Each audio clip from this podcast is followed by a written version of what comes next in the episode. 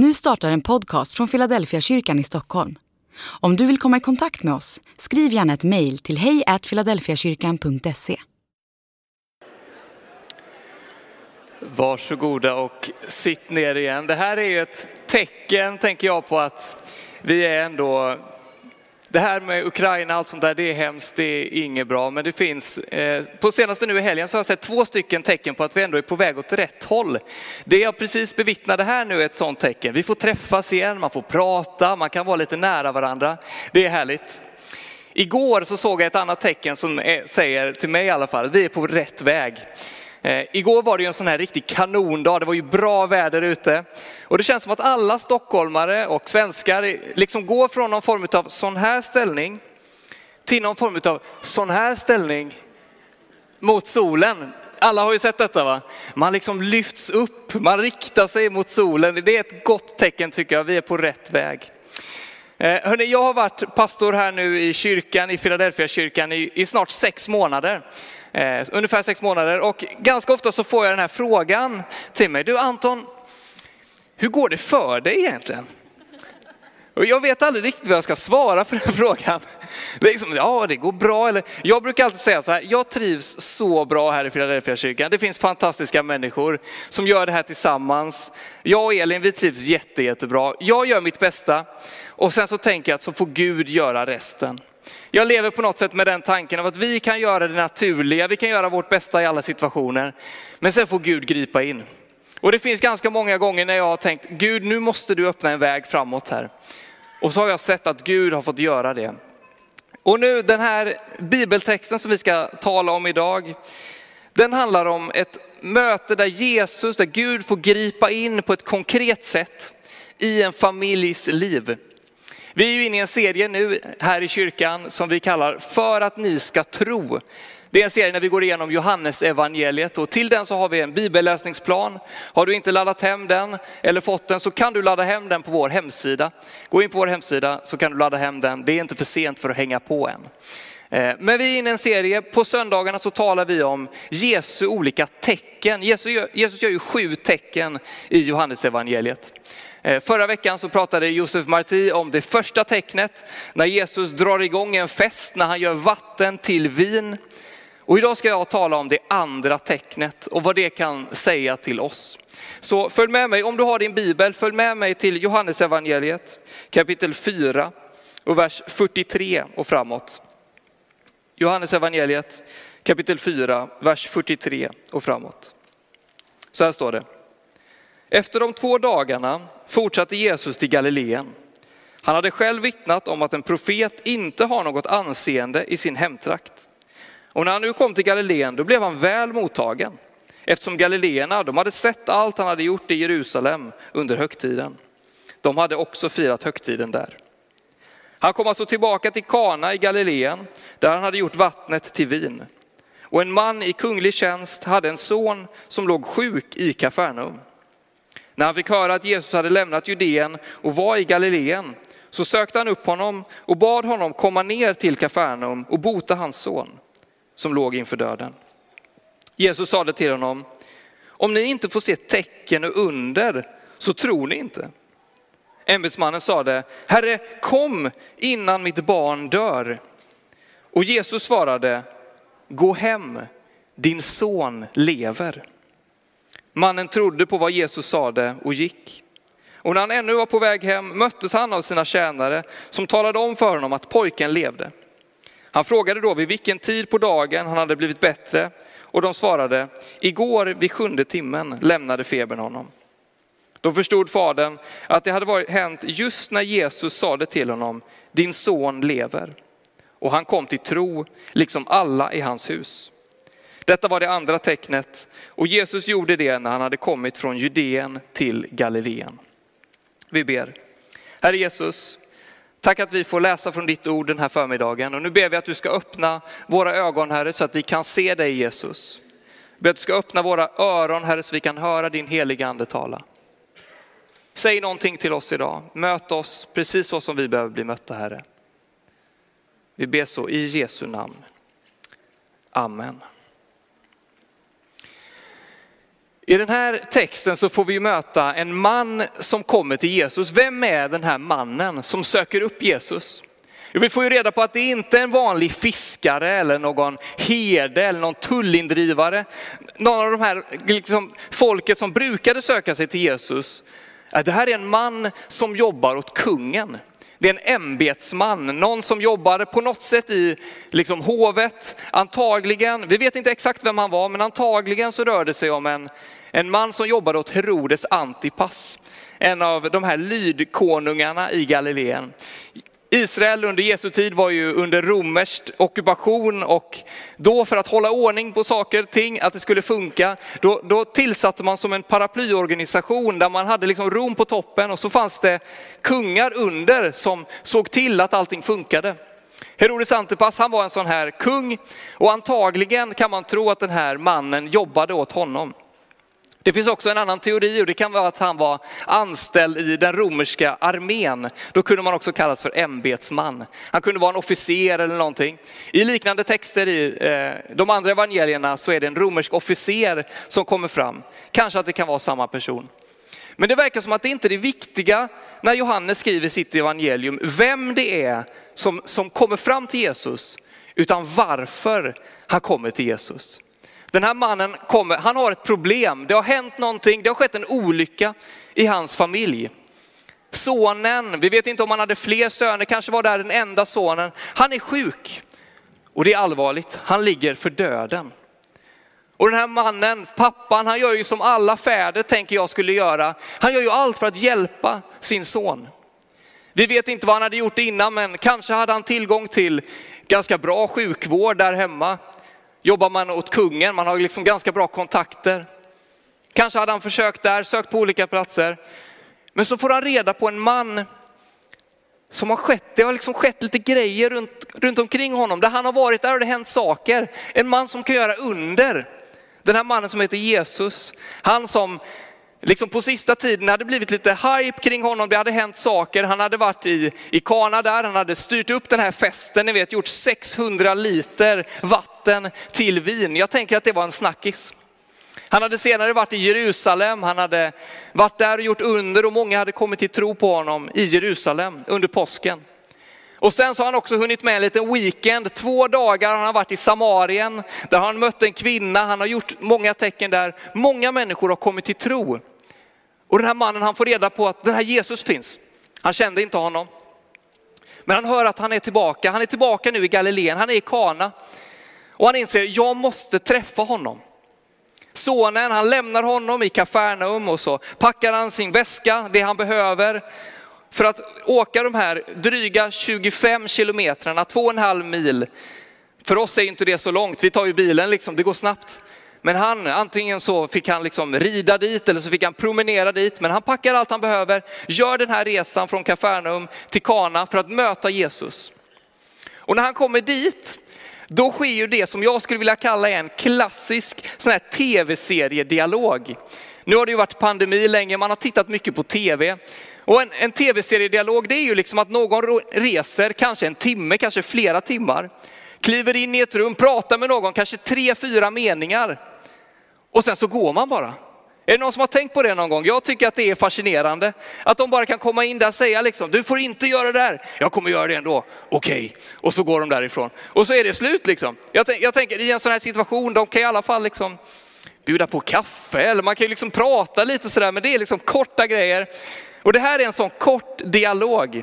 Mannen kommer till Jesus och han säger, kan inte du följa med mig till Kafarnaum, min son är sjuk. Och så kan du hela honom.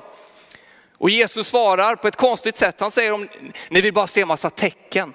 Det är bara viktigt med med tecken för att tro. Jag tänker nej, han har ju en son som är sjuk. Han vill ju inte se tecken för att lägga upp på sociala medier för att det ska bli liksom en like-raket. Han har ju en son där hemma som är sjuk. Så han ger sig inte, han säger du måste komma med mig. Och Jesus säger, gå hem, din son lever. Alltså det är en otroligt kort dialog, men det gör en så stor skillnad för den här familjens liv. Någonting händer i det samtalet, mannen går hem och han får senare reda på att sin son är frisk. Några tjänare kommer, han frågar, när var detta? Och han inser att det var precis när Jesus sa de här orden. När Jesus talade så blev sonen frisk. Han som var nära döden fick ett nytt liv igen. Vad var det som hände? Jo, det var att Jesus talade in i hans situation och kom med liv. Utifrån den här texten så har jag tre stycken observationer jag skulle vilja göra. Och sen så har jag en avslutning som på något sätt tänker jag knyter ihop vad det här tecknet kan lära oss om vad Jesus vill göra och vem Jesus är. Så tre stycken observationer och sen så kommer en avslutning. Det första, och det är att Jesus har lösningen på våra problem. Jesus han har lösningen på våra problem. Mannen han söker ju upp Jesus i desperation. Hans son ligger hemma, han är sjuk. Jesus, kanske att han kan göra ett under och han kommer till honom. Och när han säger till Jesus, då säger han så här, kan, kan inte du följa med mig till, till Kafarnaum? Häng med mig, lämna Kana och så går du med mig dit. Du måste komma till min son, du kan göra ett under där. Och Alltså kan Jesus göra under? Jag tror absolut att Jesus kan göra under. Jag tror att Jesus kan gripa in i vår situation. Men sker det alltid precis så som vi tänker? Ja, det tänker jag inte. Jesus har på något sätt en större bild. Mannen han var fast i sin bild av att om bara Jesus följer med mig nu, om jag får med honom från Kana till Kafarnaum, då kommer undret att ske. Men Jesus säger, jag har en större bild. Jag ser ännu mer. Jag behöver inte gå dit för att göra ett under. Han kan hela ändå. Alltså, vi ibland i vårt tänkesätt när vi är i en situation, vi tänker ut så här ska det ske. Och så sätter vi upp ramar och så tänker vi att Gud ska göra så här, så kommer det ske. Men det är ju inte så. Gud kan göra under, sker det alltid precis så som vi tror? Nej. Men faktum är att det sker på något sätt. Mannen blir ju frisk, eller, eller sonen blir ju frisk, eller hur? Men det skedde inte precis så som mannen tänkte att det skulle ske. Jesus har lösningen på våra problem, inte vi. Vi kan sitta hemma och tänka, nu ska jag kalkylera ut exakt hur det ska ske här och så, så kommer jag med det till Gud och så kommer Gud ge mig mitt bönesvar. Det funkar ju inte så. Vi kommer till Gud med, vårt, med vår bön, inte med vår lösning. Men det är Jesus som löser det. I, I höstas läste jag att det här programmet Draknästet gjorde comeback på SVT. Jag vet inte om någon av er har sett det. Jag har sett den brittiska varianten. Draknästet är ju på något sätt människor med stora drömmar om en stor, eh, mycket pengar. Man kommer som en entreprenör till ett gäng drakar. Varför de nu kallas drakar vet jag inte riktigt, men de har mycket pengar i alla fall. Det är viktigt att veta. Och så kommer en sån här hoppfull entreprenör och har tänkt ut att nu ska jag ha, han har sett ett problem och han har kommit på en lösning. Och så tänker han, nu ska jag pitcha detta för de här drakarna. Och om de då tycker att det här är en bra idé, då kan de investera i det här bolaget. Och där sitter människor som har framgångsrika karriärer, som har otroligt mycket pengar. Och det de gör då, det är att de går in med sina pengar och säger, jag stöttar den här idén som du har. Jag tror att den kan lyckas.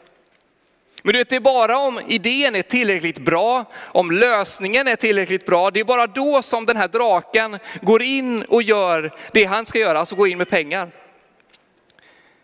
Jag inser med Jesus att det är precis tvärtom. Du vet, till Jesus behöver inte vi komma med en strategi. Jag tänker så här, exakt så här ska det ske. Och så säger Jesus, du har en kanonstrategi, jag väljer att kliva in. Det verkar ju inte när jag läser den här texten som att Jesus arbetar så. Han inser ju den här mannen, han vill att jag ska gå med honom en lång resa och så ska jag komma dit. Ja, jag kan göra ett under härifrån, bort dit. Jag tänker att det här, jag önskar att det här skulle kunna vara en befrielse för dig. Du som tänker så här, jag vet inte hur jag ska lösa den här situationen. Jag har inte lösningen. Behöver du ha det? Nej. Vad är det du ska göra då? Men kom med det till Jesus. Lägg fram ditt problem för Jesus och så kommer han att lösa det. Vi kan, betyder detta då att vi inte ska tänka?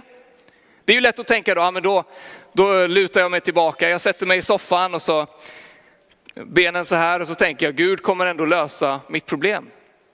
Det tror jag inte.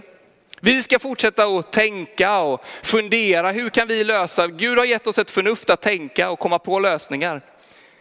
Men du vet i de situationerna när vi inte har lösningen, då säger Jesus, jag har en större bild. Jag vet hur detta ska ske. Du ser inte det, men jag ser det. Behöver vi komma med lösningen till Gud? Nej, Gud vet mer än så. Vi kan ska komma med vårt problem. Du vet när, tänk om Jesus skulle sitta i det här draknästet och så kommer man och så säger man, jag har räknat på detta, jag vet att det kommer funka, det här är lösningen. Behöver man Gud då? Nej, egentligen inte va, då har man ju lösningen själv. Men när man kommer till Gud med sitt problem, mannen hade en sjuk son, han visste inte hur han skulle göra, men han tänker om bara han får möta Jesus och han får komma hit, då kommer det lösa sig. Jesus säger, jag kan hela på distans. Han är ju lite modern Jesus, och han vi har jobbat mycket distans på sistone. Jesus har en möjlighet att göra det vi inte kan göra. Han har lösningen.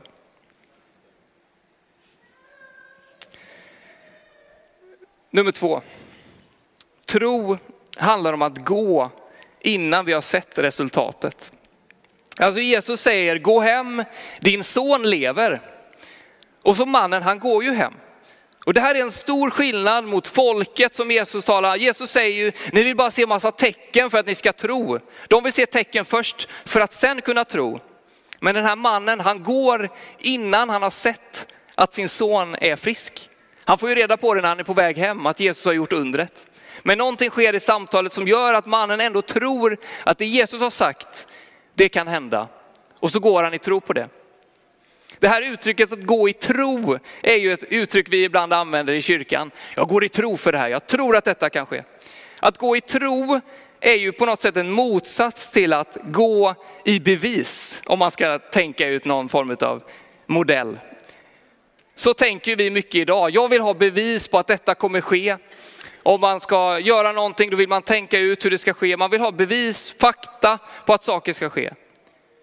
Jesus säger du ska göra precis tvärtom. Du ska gå i tro på att jag kan göra undret i ditt liv. Inte att du kan göra det själv utan att jag kan göra det.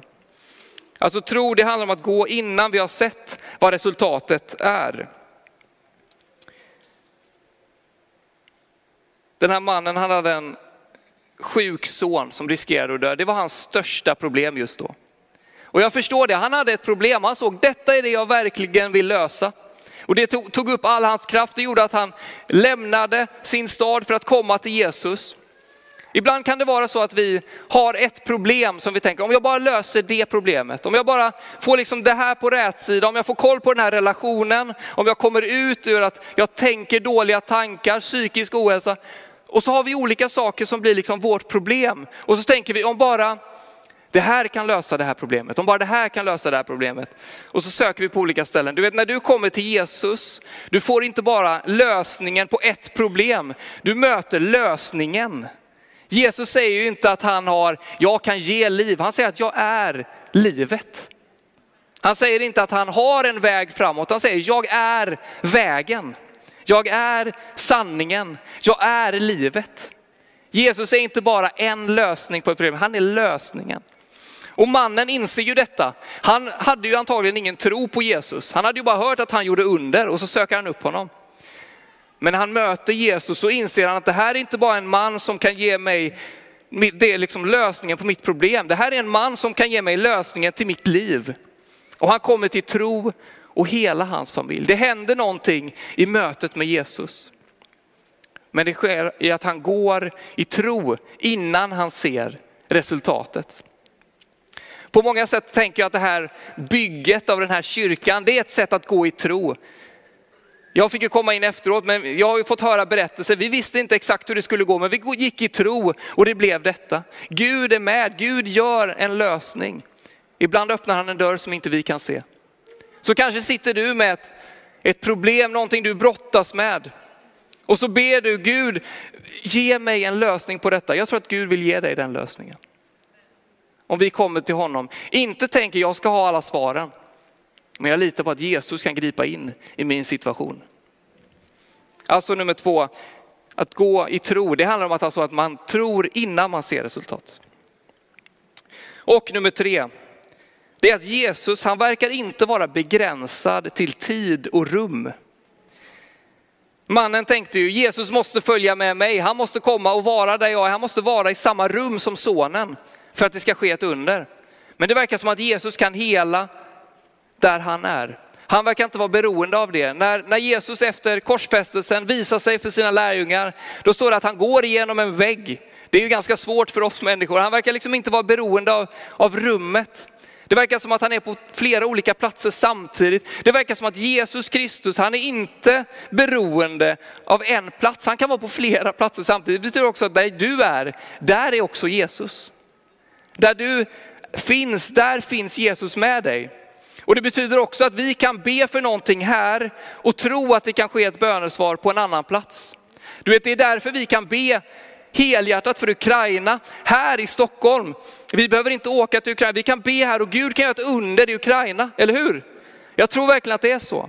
Jesus, han är inte beroende till i tid och rum precis som vi är. Han kan göra under vart han vill, han kan göra vad han vill. Men vad ska vi göra då? Jo, vi ska komma till honom med det vi har på vårt hjärta. Vi ska lyfta fram det inför Jesus och tro att Jesus kan göra det. Och nu kommer jag då till, till min avslutning här. Varför gör Jesus det här tecknet? Var, vad är det som det säger om Jesus? Jo, men jag tänker att det är att Jesus, han vill ge liv till dig. Jesus vill ge liv till människor. I mötet med Jesus och den här ämbetsmannen så säger han ju i desperation, du måste hjälpa mig, min son kommer att dö om inte du griper in. Han är rädd att sonen ska tas ifrån honom. Du vet, man kan ju förstå det. Jag har inga egna barn, men om jag skulle ha haft barn, du vet, det är ju en mardröm. Sonen håller på att dö. Och så kommer han i desperation, han är rädd. Men Jesus säger, gå hem, din son lever. Och när Jesus säger det, då händer någonting. Vad händer då? Jo, sonen får ju livet tillbaka. Han som skulle dö, han som var på väg mot döden, han får när Jesus talar så får sonen liv. Du vet Jesus han har kommit, varför då? Jo för att ge dig och mig liv. Det är evangelium. När jag läste till pastor så var, innebar ju det fyra års akademiska studier. Jag läste ute i Bromma och en, ett halvår i Chicago. Du som har läst eh, akademi, akademiska kurser, du vet ju att det handlar ju ganska mycket om att skriva en uppsats. Man skriver uppsatser om olika saker. Jag vet inte vad du har för relation till uppsatser. Vissa av er tänker, tack gode Gud att det är över. Och så går man vidare. Vissa tänker, ja men jag skulle vilja skriva mer. Jag skulle vilja förkovra mig ännu mer. Du vet, man har olika relation till det här med uppsatser. Men en given del som måste vara med i varje uppsats, det är det som kallas för abstract. Eller sammanfattning, det som man lägger i början när man lyfter fram det allra viktigaste. Vad är det jag vill undersöka? Vad är det jag har fått för resultat? Vad resulterar detta i? En abstract, det måste varje uppsats ha. När Johannes skriver sitt abstract i inledningen till sitt evangelium, då sammanfattar han det han verkligen vill säga. Han säger så här i vers 4 om Jesus själv, ordet. Att i ordet var liv och livet var människornas ljus. Och ljuset det lyser i mörkret och mörkret har inte övervunnit det. Fortsätter Johannes 10 och 10 så säger han, tjuven kommer bara för att stjäla, slakta och döda. Men jag har kommit för att de ska ha liv och liv i överflöd. Vad är det Johannes säger här? Jo, han säger ju att mitt i allt mörker, mitt i all desperation, mitt i krig, strider, människor som lider av depressioner, ångest. Vad vill Jesus göra då? Han vill komma med liv in i de situationerna. Han har kommit för att de ska få liv, och inte bara liv, utan liv i överflöd. Vad betyder det för dig och mig som sitter här idag? Jo, men det betyder att du som brottas med de här sakerna, du som känner, det här är dött i mitt liv just nu. Vad ska du göra? Kom till Jesus. Måste du ha lösningen på det problemet? Nej, det måste du inte. Men lägg fram det framför Jesus. Vad vill han ge dig? Han vill ge dig av sitt liv. Jesus kommer för att du ska få liv och liv i överflöd. Kanske är det så att du sitter här och känner, ja men det här livet som du talar om, du vet inte hur jag har levt. Och du känner att livet kanske har tagits ifrån dig. Kanske är det vad någon har sagt mot, till dig, vad någon har gjort mot dig, några tankar du har om dig själv. Du vet, kom till Jesus. Vad möter du där? Ja, men du möter ju hans liv. Han vill ge dig liv in i de situationerna som känns döda. Min rubrik för den här söndagen var, får vem som helst komma till Jesus. Mitt Min övertygelse, det är jag. Och vad får du då när du kommer till Jesus? Ja, men du får ju hans liv. Och inte bara liv, utan liv i överflöd. Vi ska snart fira nattvard här tillsammans. Det är ett sätt att du får ta emot av det livet. Men innan det så ska vi sjunga, eller vi ska lyssna på en sång. Men när jag bara får sammanfatta exakt det jag har sagt idag, det är att Jesus, han verkar på något sätt vara förmågan att göra ett under i våra liv. Det är inte alltid så exakt så som vi tänker, men han har en tanke. Jesus har den större bilden. Så sitter du här inne och tänker, jag vet inte hur den här situationen ska lösas. Du behöver inte komma med lösningen till Jesus. Du behöver bara komma till Jesus. Han gör resten. Och vad får du när du kommer dit? Du får liv och liv i överflöd. Amen.